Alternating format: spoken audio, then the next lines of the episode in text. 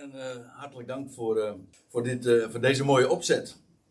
En ik ga vanmorgen jullie meenemen naar dit thema. Het verhaal van Jezus. Tussen aanhalingstekens en dan met de vraag daarbij, hoezo?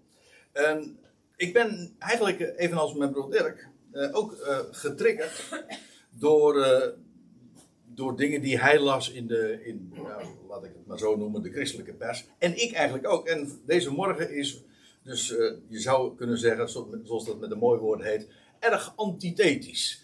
Dat wil zeggen, uh, uh, we, we onderstrepen het contrast. Hè. Dit is wat er gezegd wordt. Dirk had het over de, eh, de, twijfels die men dan heeft over stil maar, wacht maar en dat dat maar uh, een fatalistische gedachte is en dat wij in actie moeten komen en wij moeten het allemaal doen. Nou, ik moet u zeggen, ik ben ook erg getriggerd en met name door die uitdrukking het verhaal van Jezus. En ik heb daar zo mijn moeite mee en ik zal straks ook gaan onderstrepen waar, of gaan toelichten waarom dat dan zo is. Het was namelijk zo, uh, in, de, in de Nederlands Dagblad, daar stond uh, een artikel. Het is alweer, uh, ik geloof al een paar weken geleden, als ik me niet vergis. Ik weet eigenlijk niet eens meer precies wanneer het erin stond. Maar in ieder geval deze maand. dat was naar aanleiding van een onderzoek dat uitgevoerd was. het was een representatief onderzoek, dus daar zullen we maar onze twijfels niet over uiten. En eerlijk gezegd, het verbaasde mij helemaal niet. Eh, maar goed, uh, laat ik eerst eventjes lezen wat, er, uh, wat daar stond. Uh, acht op de tien Nederlanders kan prima leven zonder Jezus. En met als commentaar, dit gaat iets met onze veerkracht doen. En dat zal straks nog wel toelichten. Want ik wil graag even dat artikel doorlopen. Dat wil zeggen een paar highlights, want het artikel was een beetje te lang om dat in zijn geheel te bespreken. Daar gaat het ook niet om, maar wel om even context te geven aan, aan dit onderzoek van de evangelische omroep. Uh, het verhaal, uh, dit stond er uh, dan als, als eerste toelichting bij. Het verhaal van Jezus, u ziet ook hier weer die, aantekenen, die aanhalingstekens, gaat in hoog tempo verloren in Nederland. Blijkt uit een onderzoek van de EO. Jezus wordt niet meer relevant gevonden. En Gods zoon is hij al helemaal niet meer. Een levensbeschouwelijke ramp. En, nou ja, ik, uh, ik zei al, ik wil graag eventjes zo het, uh, een aantal van die passages in het artikel uh, doorlopen. En dan wordt er, en dus, dus allemaal citaat. Hoe belangrijk wordt Jezus nog gevonden in het ontkerkelijke Nederland? Nou, niet erg meer, zo laat een vandaag gepresenteerd onderzoek van de EO zien. Minder dan een vijfde van de jongeren vinden het christendom nog belangrijk, terwijl dat onder ouderen voor bijna een, een derde geldt. Je zou kunnen denken dat mensen de kerk en het geloof dan misschien niet meer zo waarderen, maar nog wel de persoon van Jezus. Maar ook dat valt tegen. Slechts 1 op de 5 Nederlanders vindt Jezus nog relevant in hun persoonlijk leven.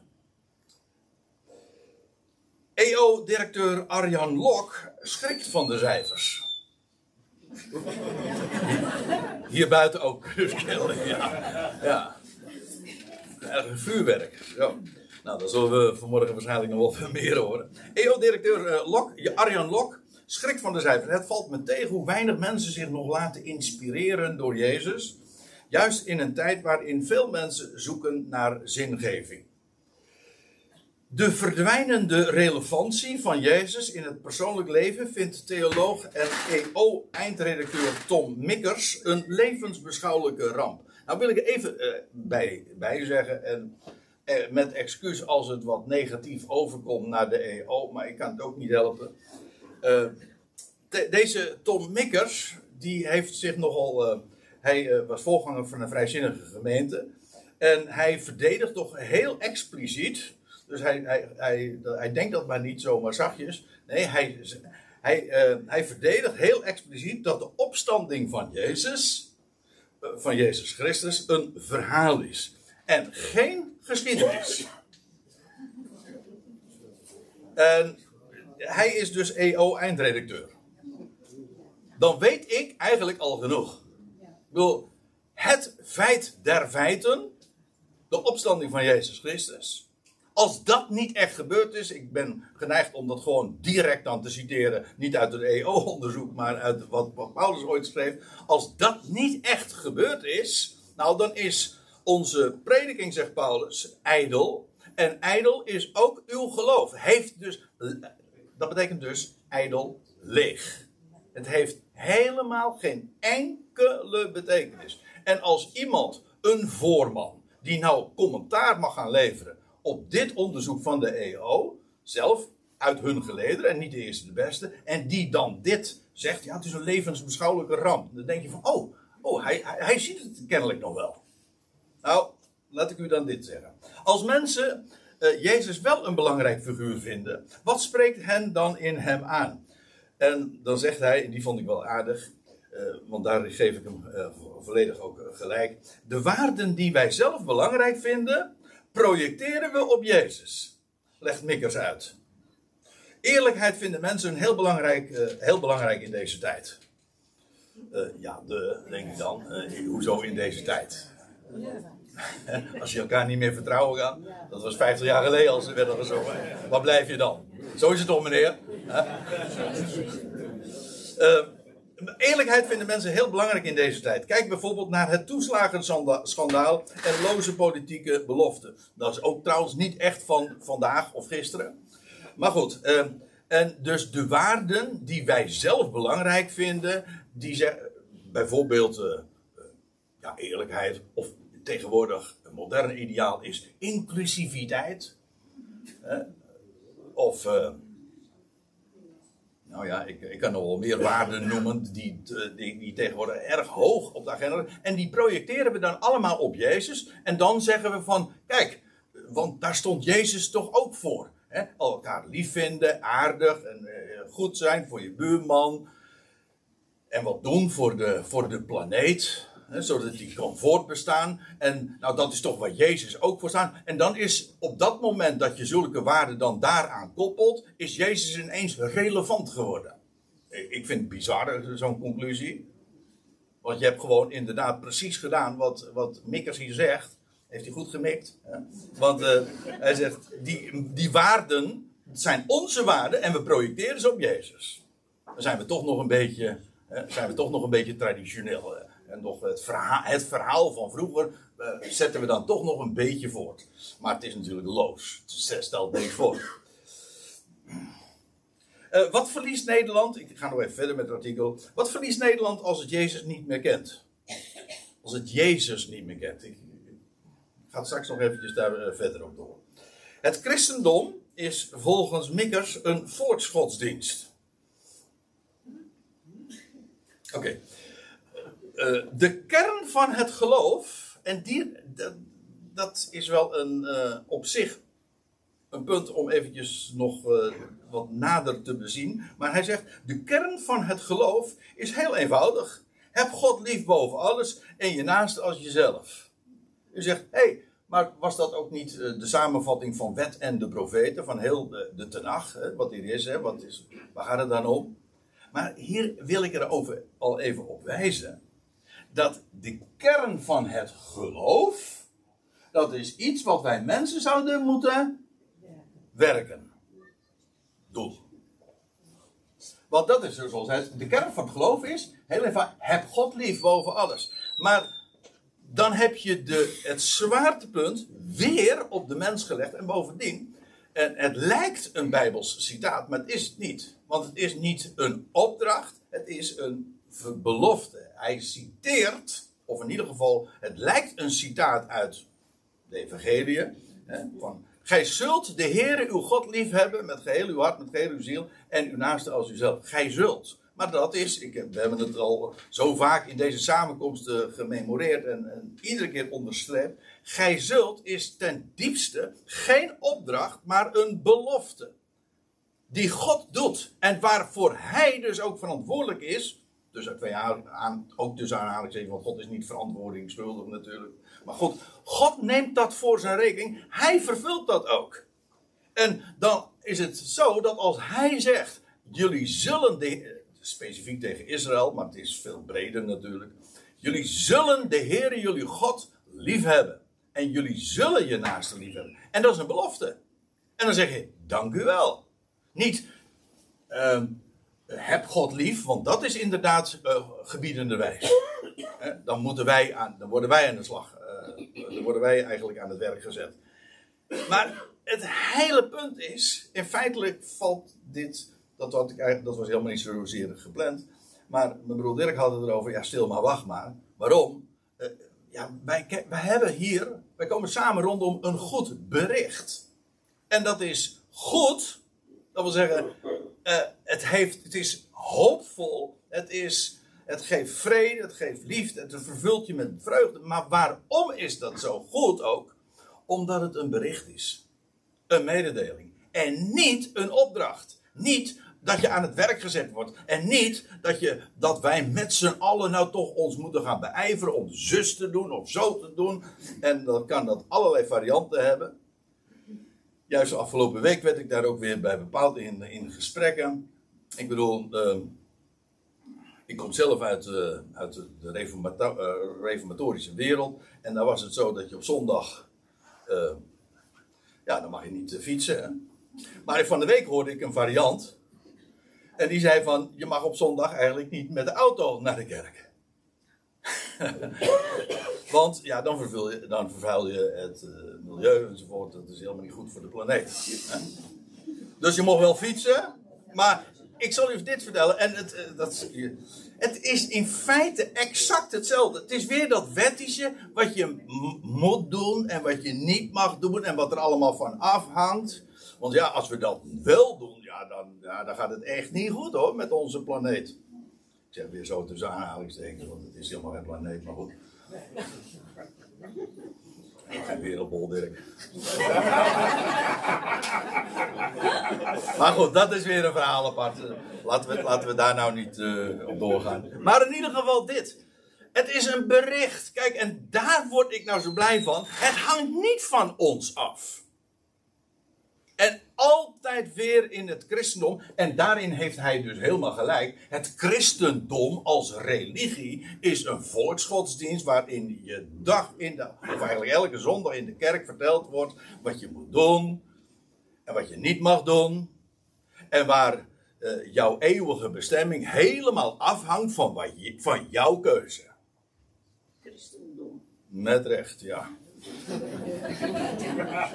Je zit dicht genoeg bij de camera. En bij, dat iedereen het thuis ook gehoord heeft. Ja, ja christendom. Ja. Dat grapje gaat trouwens alleen in het Nederlands op, maar eh, ja. Maar het is, is, het is werken. Het, in die zin verschilt het totaal niet van alle andere religie. Want alle religie komt erop neer van je moet zus en zo doen. En het hangt allemaal van jou af. Nou, en het evangelie staat daar nou zo compleet haaks op, gewoon omdat het evangelie is. Het is een blijde boodschap. En, of nou, en we vertellen, God houdt van jou. Hè, God houdt van deze wereld. Hij heeft de schepping in zijn hand. En hij brengt alles tot een goed einde. En dan vraag je, ja, ja, maar je moet de mensen wel, dat zeggen ze ook, is een van de regels in de hopilitiek, hè, dat is predikunde. Hè, dat je, je hebt drie punten dan, en je moet dan uiteindelijk een toepassing hebben, want je moet wel weten wat je straks aan het einde van je betoog, wat de mensen moeten gaan doen als ze de zaal uitgaan of als ze de kerk verlaten. zodat ze aan het werk gezet worden, zodat ze concreet weten van dat staat me te doen. En het, ja, sorry, heb ik niet. Heb ik niet. Ja, nou, drie punten valt ook meestal niet mee. Maar ik heb wel een conclusie. Dat wel. Maar niet een, een toepassing of een opdracht waarmee mensen. Nee, het is gewoon een mededeling. En het is, maar wat ik wel geloof, het is een kracht, het evangelie, hè, het staat in Romeinen 1 vers 16. Het is een, het evangelie, het, de blijde tijding, het goede bericht, dat is een kracht gods voor een ieder die het gelooft. Want het doet wat met je. Het gaat er niet om wat je doet met het woord, dat is, dat is religie. Nee, het gaat erom wat het woord doet met jou. Het verandert je denken, het verandert je van binnenuit. En het geeft je vreugde, het geeft je vrede, het geeft je richting, het is een kompas. Het, het, transformeert een mens. Dat is de kracht van God. Van zijn woord. Van zijn belofte. En dat is de geweldige power. En mensen geloven daar niet in. En dus worden ze aan het werk gezet. En dat, heeft dan wel, dat klinkt dan wel heel christelijk. Hè? Van de kern van het geloof is eenvoudig. Heb God lief boven alles en je naast als jezelf. En toch is het, juist omdat het er zo op lijkt, is het fataal fout. Kijk, als het nou, als het er niet op leek, dan is het niet zo gevaarlijk. Maar juist omdat het erop lijkt, het lijkt een verwijzing naar de schriften en het is het juist niet. Het is, dit is werken, maar het gaat juist om geloof.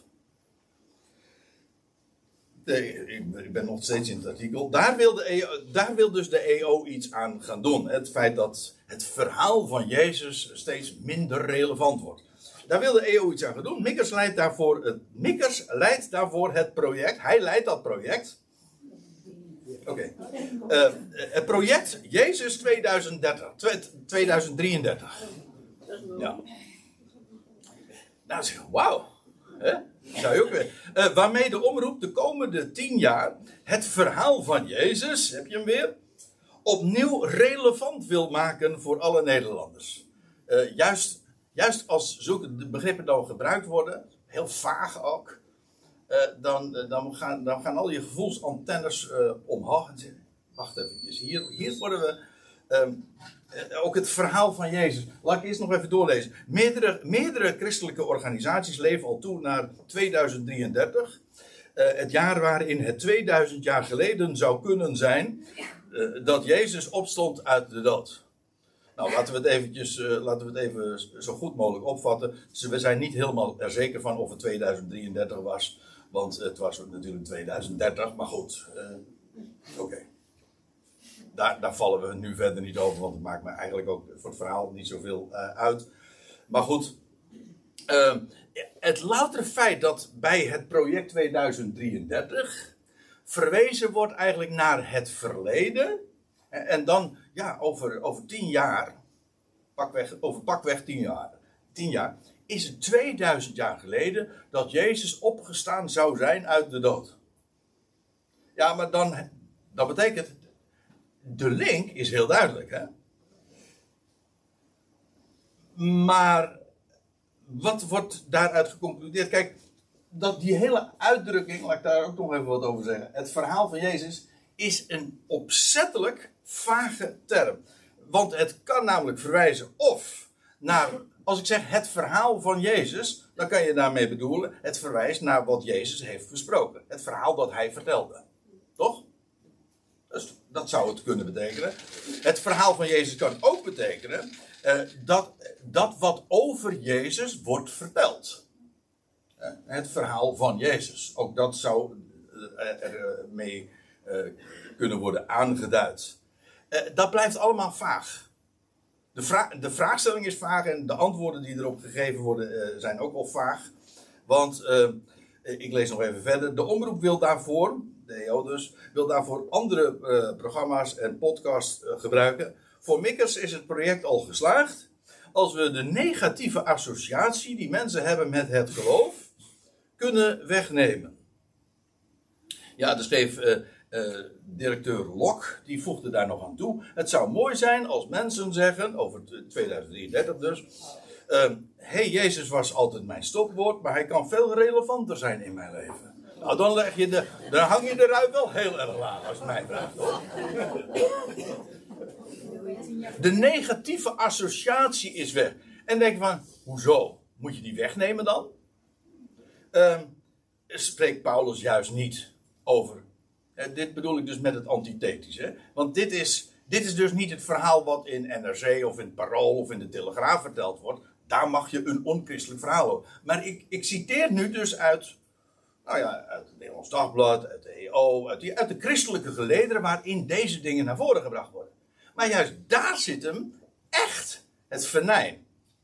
Want het gaat er helemaal niet om dat wij de negatieve associaties die mensen hebben met Jezus wegnemen. Ik, trouwens, ik denk, dat is, dat is dan mijn insteek, die negatieve associaties die komen vooral door de nietzeggendheid van de clubs en groepen en kerken en genootschappen en omroepen die uh, menen of die claimen Jezus te representeren. En mensen zeggen: Is dat het? Dus het loutere feit dat mensen zeggen: Ja, ik heb daar, niks, daar niks te zoeken. Ik, ik, ik heb er niks mee. En dan zeggen: Ja, waarom is dat? Omdat men het verhaal compleet. Het verhaal compleet heeft uitgehold. Het is leeg. Precies waar ik het zojuist over had. In verband met uh, dat citaat uit uh, 1 Corinthië 15. Dat Paulus zegt van. Als hij niet de levende is, de Christus. Ja, werkelijk, letterlijk opgestaan uit de doden. Daar gewoon. Het jaar is aan te duiden, de plaats is aan te duiden. Daar even buiten de poorten van Jeruzalem, daar werd de steen weggerold op die, op die dag van de eerstelingsschoof. Specifiek aangekondigd, voorzegd waar het zou zijn, hoe het zou gaan, uh, wanneer het zou gebeuren. Allemaal perfect. En het is gebeurd, het is historisch. En ja, als dat niet het verhaal is, of al, ja, als dat niet het verhaal is, dan is het dus leeg. En als dat niet duidelijk verteld wordt, dan haken mensen af.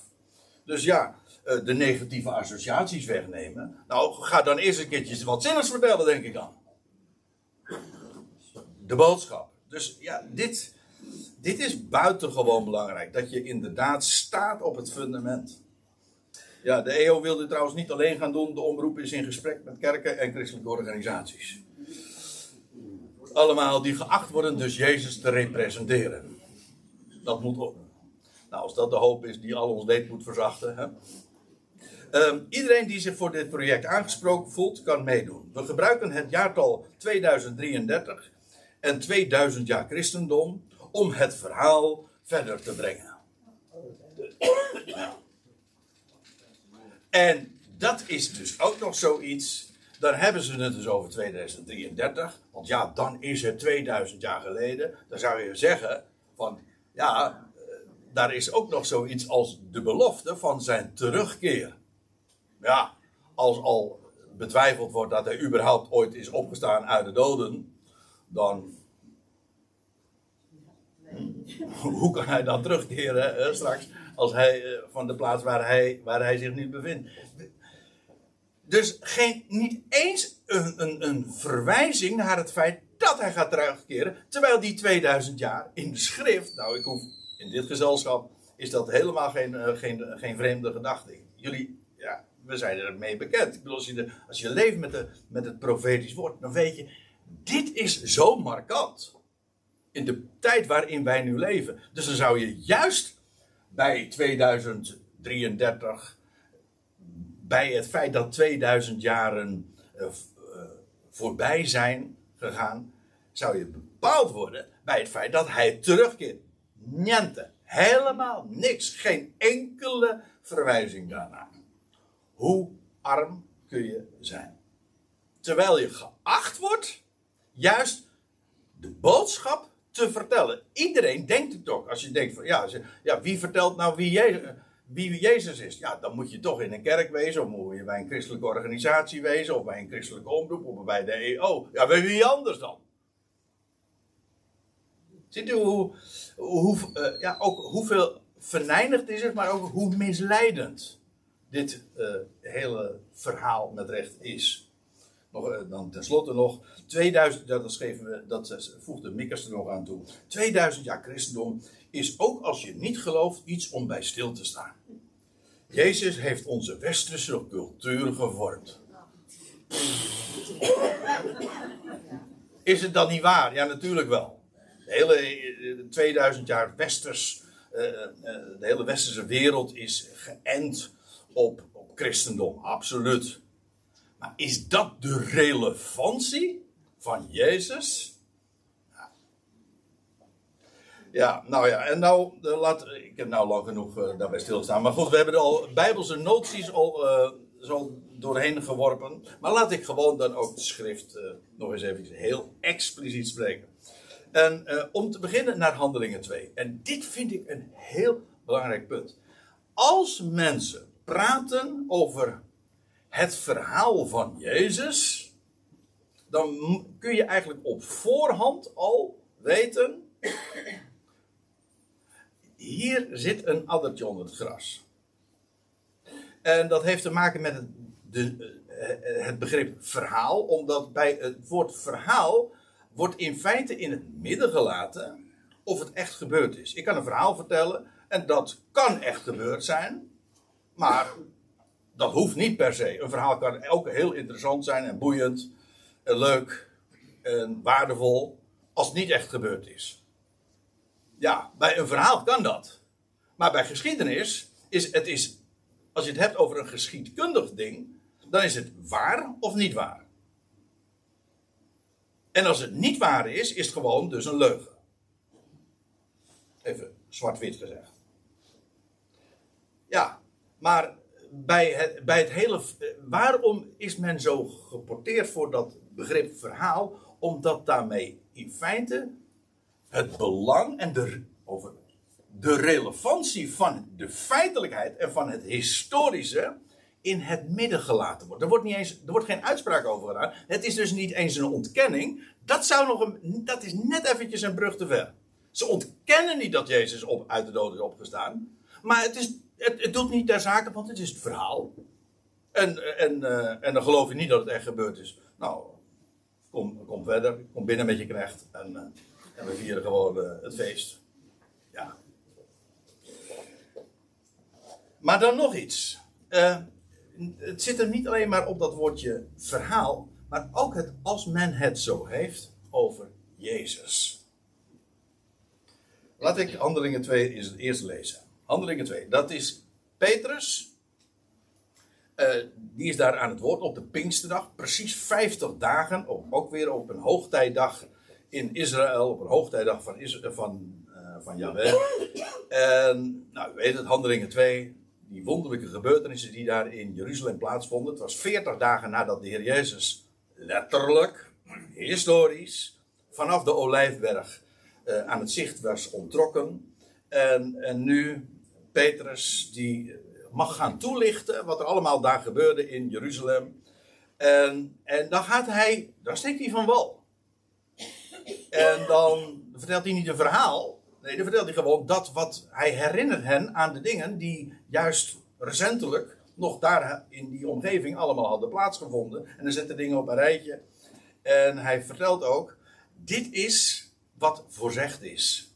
Dit staat geschreven. En hij citeert uh, de, de, lieve lust is uit de schrift, uit de psalmen, uit, uit, uit allerlei bijbelboeken van de Tenach. En hij bewijst uit de schriften dat Jezus daadwerkelijk Israëls Messias is. Nou, en dan trekt hij zijn conclusie. En dat blijkt al uit het feit dat hij begint met het woord dus. Dus moet ook het ganse huis van Israël zeker weten is geen twijfel. Dus moet ook het ganse huis van Israël zeker weten dat God hem en tot Heer en tot Christus gemaakt heeft. Deze Jezus, die gij, eigenlijk is het meervoud, jullie hebben gekruisigd. hij, wijst op, op wat 50, nee, 53 dagen daarvoor was gebeurd, namelijk dat men Jezus aan het kruis had genageld. Oké, uh, hoe was het? Israël heeft, het volk heeft hem overgeleverd aan de Romeinen om hem te kruisigen. Maar let op hoe het hier staat.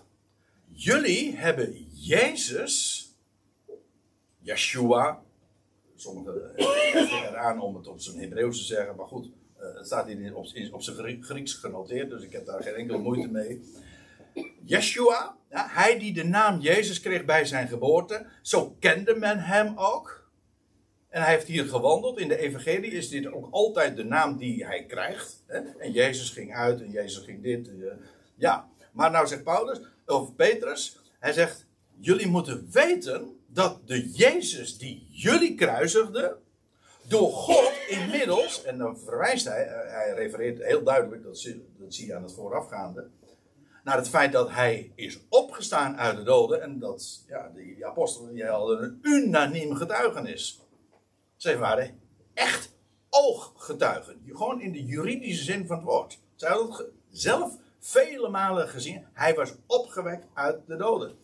En dan zegt hij, ja, dus daaruit blijkt dat God hem, Jezus dus, deze Jezus, die jullie kruiselden, tot Heer en tot Christus gemaakt heeft. Tot Curios, de, de Heer, de beheerser, maar ook de eigenaar. En Christus, dat, als je dat op zijn Hebreeuws zegt, dan krijg je Mashiach of Messias. De gezalfde, de beloofde gezalfde. God heeft hem zo officieel, door zijn opstanding uit de doden, Jezus tot Heer en tot Christus gemaakt. Dat is het gegeven dat actueel is en officieel de waarheid sinds zijn opstanding uit de doden. Daarvoor was het Jezus. En sinds zijn opstanding uit de doden is hij maar niet meer Jezus, want God heeft hem gemaakt tot Heer, aan wie alle macht is gegeven. Dat oefent hij nog niet uit, maar aan hem is alle macht in hemel en op aarde gegeven. En hij is Israëls beloofde Messias. En nou kom ik weer terug bij die uitdrukking het verhaal van Jezus. Nou, over het woord verhaal heb ik het al gehad. Maar het loutere feit dat men, ook zoveel christenen, het altijd maar hebben over Jezus. Dan denk ik, heb je, ben je al geüpdate? Ja. Want weet je dan niet dat hij sinds zijn opstanding uit de doden door God tot Heer is gemaakt en tot Christus? Hoezo Jezus? Dat is degene die in vernedering hier leefde en wandelde. En begrijp me goed, ik bedoel dat helemaal niet dogmatisch, want, eh, want je kunt er altijd op wijzen dat ook in de brief van Paulus zo af en toe wordt gesproken over Jezus in de brieven. Dat is het punt niet, maar dat heeft dan ook altijd, dat verwijst dan ook heel dikwijls, dat zie je heel duidelijk ook dan naar het leven van hem die hier op aarde wandelde. Dus dat is heel functioneel om dat zo te spreken. Maar als we het hebben, de normale gang van zaken, als wij het over Jezus hebben, dan hebben we het dus over degene die sinds zijn opstanding uit de doden door God tot Heer is gemaakt. En dus zeggen wij, Heer Jezus, Hij is ons hoofd. Aan Hem is alle autoriteit gegeven. Hij is Israëls Messias. Hij is de heiland, de redder der wereld. Als je gelooft in Hem, dan noem je Hem, dan noem je hem niet Jezus.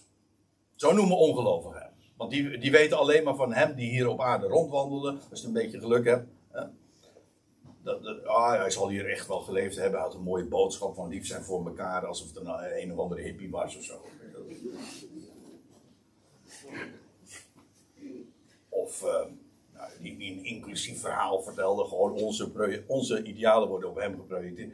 Maar ja, Jezus. Uh, dat is degene die hier op aarde wandelt en die ooit stierf. Ja, maar het unieke van of het bijzondere van een gelovige is, wij, wij weten dat God hem gemaakt heeft tot Heer en tot Christus. En, waar, en hoe blijkt je dat? Nou, door het te blijden. Door, het, door er vooruit te komen. En door hem zo niet alleen maar aan te spreken, maar ook over hem te spreken. Als de Heer, als de Christus. Hoe hij door God is gemaakt. Dus Jezus, dat is de naam van hem die werd gekruisigd. Heer en Christus zijn titels, het is geen naam, hè? zowel Heer als Christus, dat is geen naam. Maar dat zijn titels die, hem, uh, die aan hem zijn toegekend van Gods wegen. En wel in en vanaf en op grond van zijn opstanding uit de doden. Dat is het grote verschil. Zie je hoe misleidend dat verhaal van Jezus is. En dat hele project 2033, waar Tom Mikkers dan op mag uh, mikken, uh, om, ja, sorry voor de rare woordspeling, maar goed. 2033, dan moeten we het verhaal van Jezus relevant hebben gemaakt en dat de negatieve associaties zijn weg. En... Houd toch op, man! je, moet eerst weten dat God hem gemaakt heeft, deze Jezus, tot Christus. En dat is geen verhaal, het is een geschiedenis. Daarom, ja, ik hoop, eh, in die zin hoop ik u een allergie vanmorgen mee te geven. Nou, gewoon dat, je, dat je, je kan het niet meer aanhoren, zulke termen. En dat bedoel ik niet dogmatisch of wettisch of wat je moet, maar dat u begrijpt van hoe misleidend dat hele, die hele uitdrukking is, het verhaal van Jezus. Ik neem je nog mee naar een ander schriftgedeelte om dat te onderstrepen. Romeinen 10. Daar, eh, daar zegt Paulus, want indien je, gij, ik, ik, lees uit de MBG-vertaling, uh, indien gij met uw mond beleidt dat Jezus Heer is, ja, wie doet dat? Nou, dat is het kenmerk van iemand die gelooft. Die weet namelijk dat God hem tot Heer gemaakt heeft. En dat is ook het meest karakteristieke voor een gelovige. Je erkent hem, nou, niet alleen maar als meerdere, maar als degene aan wie alle autoriteit is gegeven. Het hoofd van alle dingen. En ook in ons geval, ik bedoel, er wordt vandaag al 2000 jaar wordt er een, een, een gemeente, een ecclesia uitgeroepen, een gezelschap, waar, uh, waar ja, dat het lichaam is van hem die het hoofd is. De Curios, hoofd. Ja, en wij erkennen hem in die positie. Wij zijn één met hem. Maar on, in dat gezelschap is hij, uh, de, hoe was het ook alweer, de primus inter pares. Hè? De, de, eerste onder zijn gelijken. In die zin, wij zijn inderdaad, wij behoren tot hem. Maar in, in dat uh, gezelschap, hè, dat uitroepsel, is hij de eerste. Hè? Hij is de eerstgeborene onder vele broeders. En hij wij zijn het lichaam, hij is het hoofd. En zo erkennen wij hem ook. Logischerwijs. Natuurlijk, hoe spreek je over hem? Ja, anders dan dat je weet dat hij ook daadwerkelijk is. En het belangrijkste van hem te weten is wat God van hem gemaakt heeft. Mensen hebben hem aan de kant geschoven. Mensen hebben hem, niet, hebben hem miskend aan een kruis genageld. Ja, maar wij weten dat God hem juist daardoor tot Heer en Christus heeft gemaakt. Indien u met uw mond beleidt dat Jezus Heer is en met uw hart gelooft dat God hem uit de doden heeft opgewekt. Ja. Met je hart, van harte geloven dat God hem uit de doden heeft opgewekt. Dat betekent dat hij dus een dode was. Drie dagen lang. En God moest hem opwekken uit de doden. Ja, als je natuurlijk gelooft in de drie-eenheid leer en gelooft dat hij God de Zoon is, bijbelse uitdrukkingen die de Bijbel niet kent, ja, dan kun je dus ook nooit van harte geloven dat God hem, deze Jezus, uit de doden heeft opgewekt. Maar met uw hart gelooft dat God hem uit de doden heeft opgewekt, zult gij, zullen jullie, uh, nee, is dat enkelvoud? Nee, zul jij enkelvoud uh, behouden worden. Dat is lastig altijd met het woordje gij, dat kan meervoud één enkelvoud zijn. Uh, maar goed, hier staat, dan zul je uh, gered worden. En weet je wat ik nou het geweldige vind? Uh, dit is precies waar de hele geschiedenis op zal uitlopen. Ook dit is geen ideaal, dit is niet iets waar we naartoe moeten werken. is sowieso geen project 2033, want het gaat echt nog wat langer duren. Maar er gaat een moment komen dat, al, zoals Dirk al uh, citeerde, alle knie gaat buigen en alle tong gaat Jezus beleiden. En ja, in feite zijn het nu nog maar enkelingen. Mensen die verzameld worden uh, en die nu al weten en hem erkennen met de mond, van harte geloven dat God hem uit de doden heeft opgewekt, maar ook met hun mond hem zoda, zodanig erkennen als Heer. Ja, en dan, en dan ben je gered het verhaal, ik weet, hier, er wordt over dit gezelschap een heel kwalijk, is, er wordt een kwaad, kwalijk gerucht uh, verspreid. Namelijk dat wij geloven dat God, uh, dat alle mensen gered zijn. Ik weet, nou misschien u zegt ja, dan geloof ik inderdaad. Nou, dan geloof ik dus niet.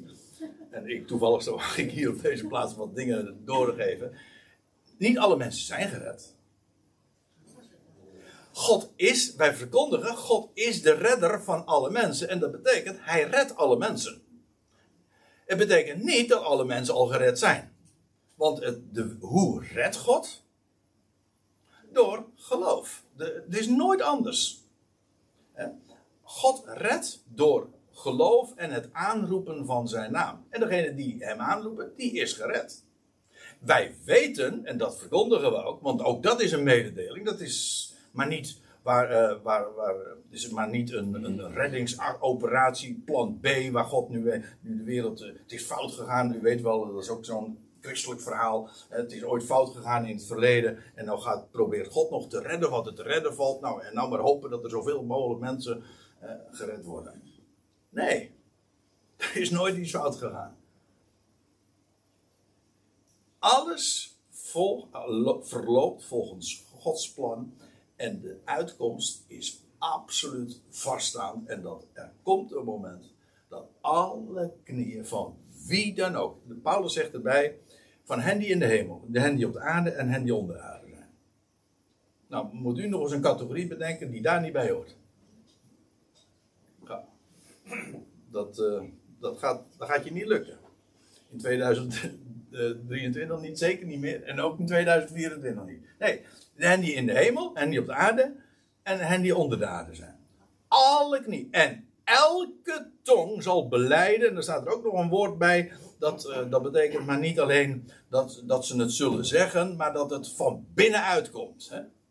Dat, dat voorzetsel ex wil zeggen ex homologeo, dat betekent dat het van binnenuit komt. Zal mensen, en daar staat er ook bij, uh, ja, tot eer van God de Vader. En ja, dat, dat vind ik wel. En dan, dan denk je van, goh, het, is nu maar, eh, zijn maar enkelingen die vandaag zicht mogen hebben op, op, wie, wie, op, op dat plan van God. En wie weten, die weten wat Jezus is en wat hij, hoe hij inderdaad, want dat is wat zijn naam betekent. Hij is redder. Je, Jezus betekent God, Yahweh, red. Ja, wie? Nou, iedereen. Of ik kan het beter kunnen vragen, wie niet? hij redt iedereen. Hoe? Nou, zoals hier ook staat, door het aanroepen van zijn naam. En door het geloof, van harte geloven van wat God met hem heeft gedaan. En dan lees ik eventjes twee versen verder. Want er is geen onderscheid tussen Jood en Griek. In dat opzicht, God heeft een geweldig plan met Israël. Maar hierom gaat, is er geen enkel onderscheid tussen wie dan ook. Er is geen onderscheid tussen Jood en Griek. Immers, één en dezelfde is Heer van allen. Ik heb expres het woordje van even gewijzigd in de MBG. Want daar staat, in de MBG staat Heer over allen. Maar dat staat er niet. Er staat Hij is Heer van allen.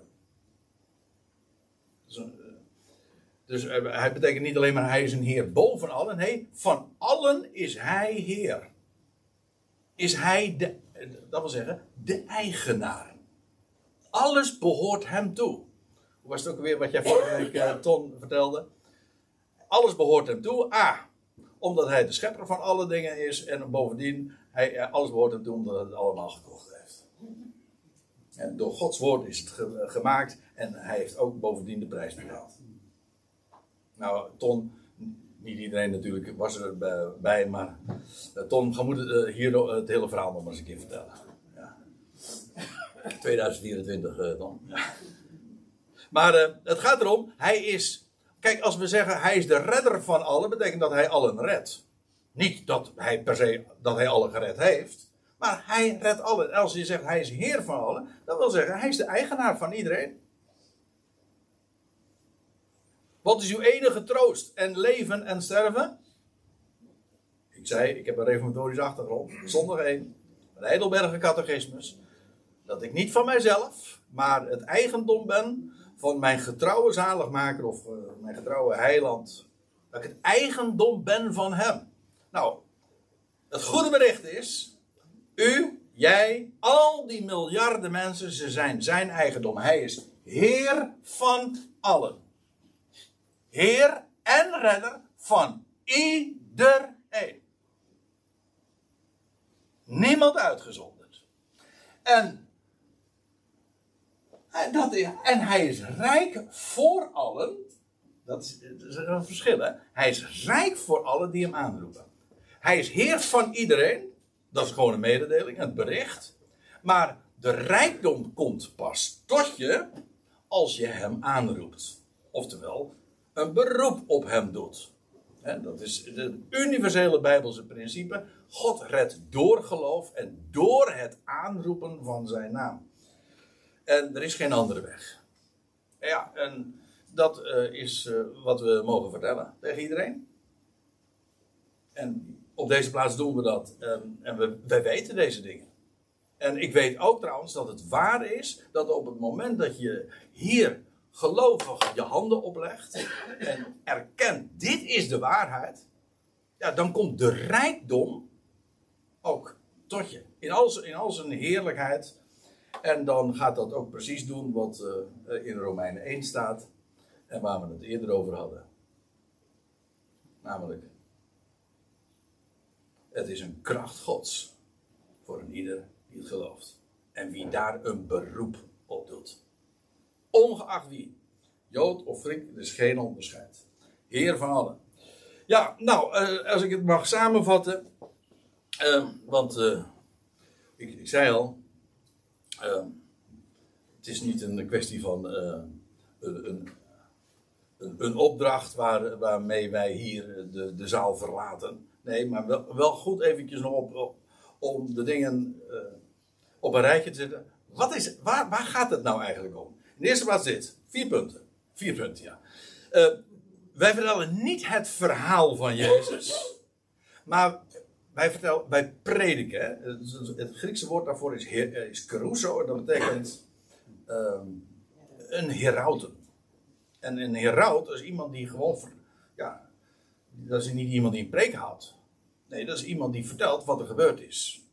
Hera- wij herauten Jezus, namelijk als Heer en als Christus. En dat betekent in de praktijk dat hij opgewekt is uit de doden, want juist op basis daarvan is hij Heer en Christus, of een Messias, net hoe je het zeggen wil. Dus, hoezo verhaal van Jezus? Hè? Bovendien, eh, Jezus Christus, of Christus Jezus, is degene die vandaag leeft en verborgen is. Ik heb daar eigenlijk nu niet zoveel over gehad, maar ja, eh, als we het hebben over het feit dat hij hier ooit op aarde leefde en wandelde, en we geloven dat hij binnenkort, na twee millennia, zal terugkeren.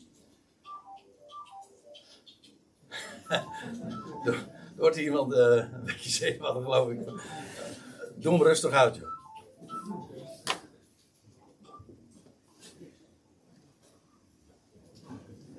Gelukt! Nee joh, relax, relax. Eh, als we zeggen dat hij straks terugkeert en zal verschijnen, betekent dus dat hij nu verborgen is, maar dat is natuurlijk nogal wieders. Want eh, ja, wij zien hem niet en dat is wat de hele wereld ook weet en wij ook. Hij is verborgen en eh, hoe zegt eh, Paulus dan in Colossense 3? Zoek de dingen die boven zijn, waar Christus is, die ons leven is. Verborgen bij God. En straks zal hij openbaar worden en wij ook met hem, want ja, we zijn met hem verbonden. En eh, ja, hij is Jezus Christus. Dus niet zomaar Jezus. Erken hem in de positie die God aan hem heeft toegekend. Of Christus Jezus, ja, dat is nog een ding apart. Dat is typisch Paulus, hè? Dat weet u? In de, de term Jezus Christus komen we heel veel keren tegen in het hele Nieuwe Testament. En iedere keer erkent. Is, het is eigenlijk de historische volgorde. Jezus is gemaakt tot Christus. Ja, maar Paulus kende hem eerst als de opgewekte en verheerlijkte. En zo maakte hij zich ook op de weg naar Damascus aan, aan, aan Saulus van Tarsus bekend. En toen vroeg hij, wie bent u? En toen zei hij, ik ben Jezus die jij vervolgt. Dus hij kende hem als de Christus. En die zich vervolgens dan bekend maakt en nader eh, ja, kennis maakt. Ik ben hem, die Jezus, die jij vervolgt. En vandaar dat Paulus eh, altijd spreekt over Christus Jezus. Of in ieder geval, het is een typisch en exclusief, ja echt exclusief, Paulinische term. Een stuk of honderd keer eh, gebruikt hij die term in zijn brieven. Christus Jezus. En dat heeft te maken met Christus staat voorop en dat is degene die hier op aarde als Jezus wandelde. En hij is nu hij, hij leeft. En hij is verborgen en dat hoort ook zo. En wij doen ook geen pogingen om hem te openbaren of om deze wereld te- te verbeteren. Want dat komt allemaal, stil maar, wacht maar, op zijn tijd. Ik heb nog iets over die twee dagen, daar wil ik kort over zijn. Want dat zijn natuurlijk zoals God rekent, twee millennia.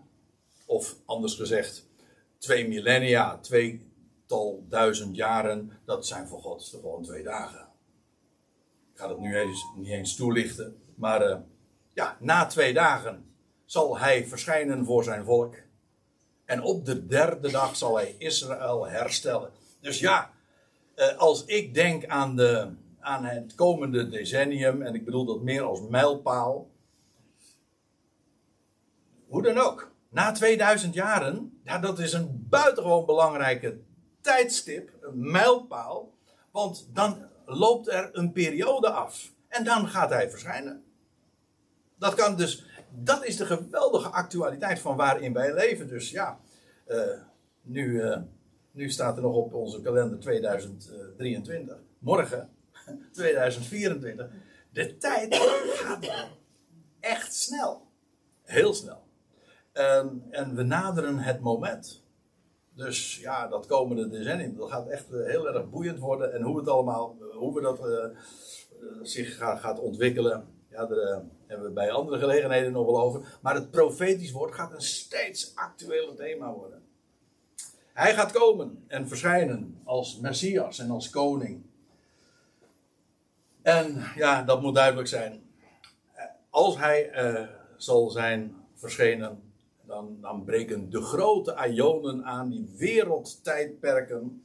En uiteindelijk eindigen die dan, ja, dat kan niet missen als de laatste vijand ook niet gedaan zal zijn, de dood, en allen zullen leven, dan vallen allen voor hem neer en zullen hem erkennen. Wie hij is, van Gods wegen, namelijk Heer en Christus. En dat zal allemaal gebeuren als één groot halleluja en lofzang tot eer van God de Vader. Wauw, wat een uitzicht. Dat is niet het verhaal van Jezus. Dit is de boodschap het evangelie, de blijde tijding van Jezus de Christus. De opgestane uit de doden. En die binnenkort gaat verschijnen in heerlijkheid. En Gods plannen gaat realiseren. Universeel.